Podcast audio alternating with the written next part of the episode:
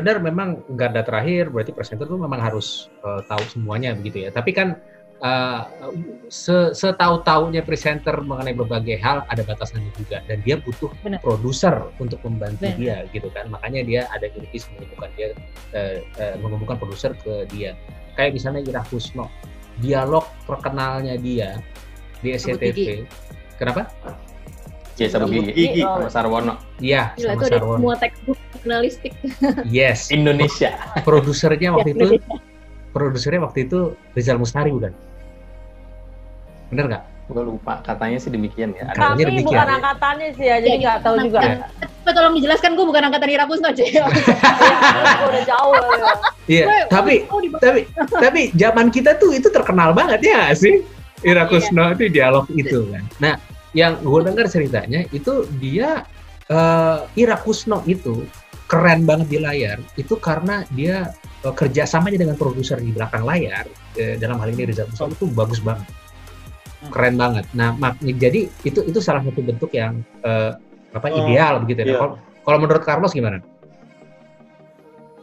Sebagai produser ya ya oke. Okay.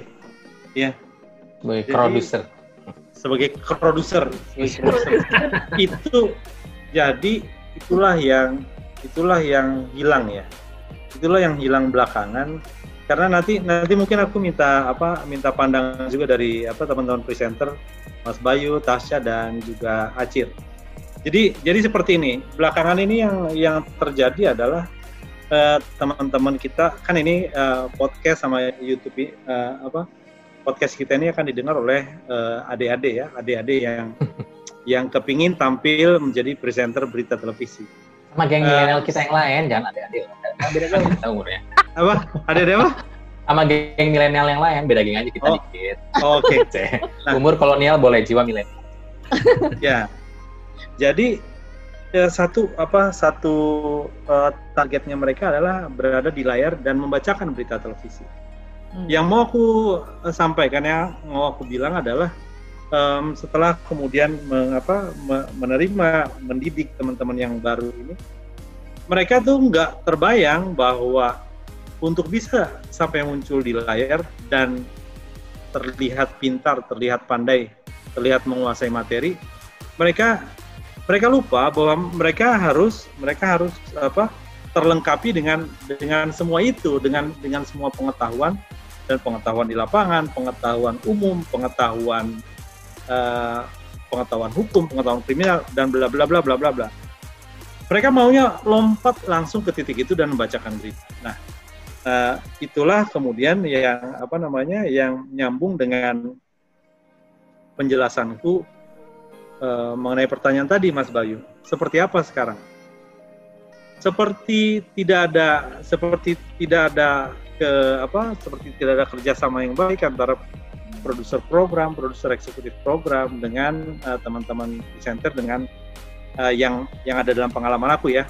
Karena yaitu tadi bagaimana mungkin aku bisa mengcoach mereka, bagaimana mungkin aku mau bilang, "Hey, teman-teman presenter yang dua karena aku aku kan uh, setahun belakangan pegang liputan enam pagi ya. Bagaimana mungkin aku bilang, headline kita hari ini begini sehingga story kita begini ya terus kemudian kalaupun kalian chit chat chit chat lah yang seperti ini aku nggak pernah bisa bicara dengan mereka karena mereka bahkan tiba satu menit sebelum on air bagaimana aku bisa mentransfer aku punya tim yang kerja dari jangkar satu itu dari jam 7 malam kemudian tim tim berikutnya nyambung jam 12 Terus bagaimana aku deliver bahwa show kita hari ini seperti ini?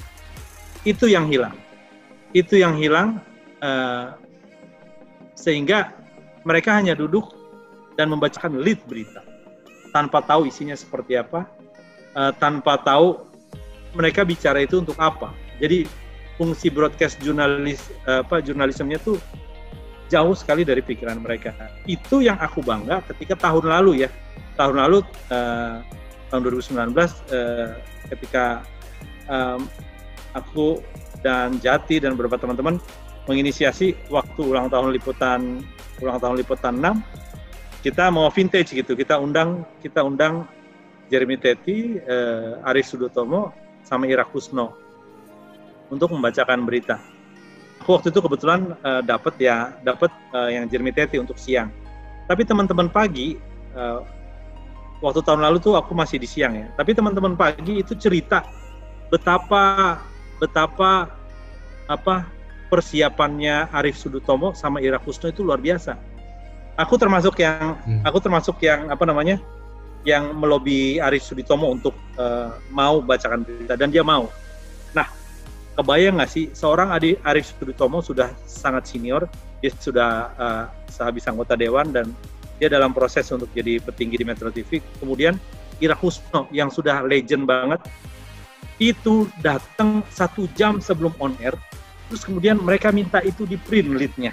Ya teman-teman produser pagi dengan dengan explode-nya waktu itu Bang Oji itu bercerita betapa betapa seriusnya Mas Arif Suditomo dengan Ira Kusno uh, meminta print itu uh, apa namanya print rundown, kemudian print uh, lead berita, dan mereka bagi, mereka mereka bagi.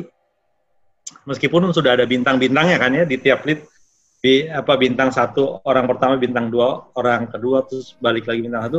Tapi mereka kemudian diskusi, kita mau kita mau ngomong apa nih? Jadi mereka itu nyambung dengan produsernya.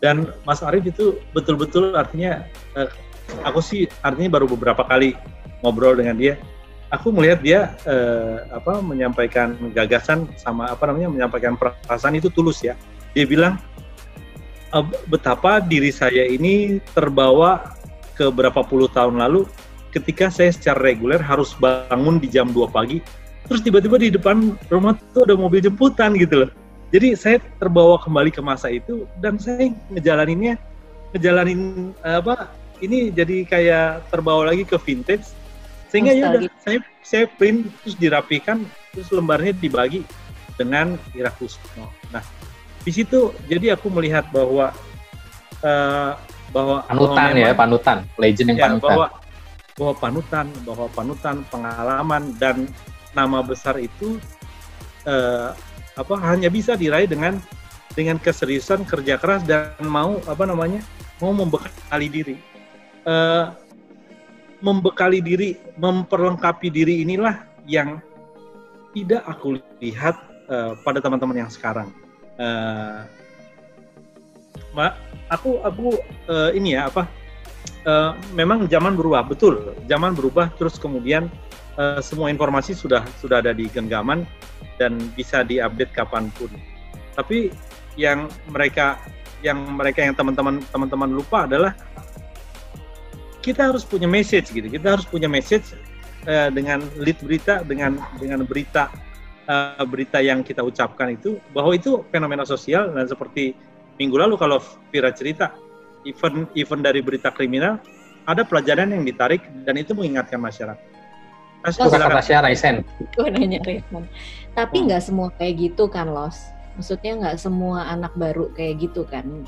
Uh, gue gue masih pengen berpikir bahwa di tengah ini kan bukan cuma soal apa uh, bukan cuma soal zaman tapi soal gap generasi juga ya jadi memang generasi yang sekarang tuh uh, skillnya berbeda terus cara belajarnya berbeda etosnya juga berbeda begitu hmm. jadi uh, gue masih masih pengen berpikir positif bahwa di tengah yang stereotype seperti itu adalah satu dua ya? yang masih bisa, uh, masih bisa di grooming uh, dengan cara yang uh, seperti yang kita alamin zaman dulu gitu bahwa uh, harus tetap kerja keras, harus terus belajar gitu. Uh, gue masih bisa melihat itu sih beberapa kalau tahu ya mungkin karena gue ngelihatnya ke Metro TV ya. Jadi anak-anak yang muda-muda itu meskipun mereka dengan uh, stereotip yang sama seperti itu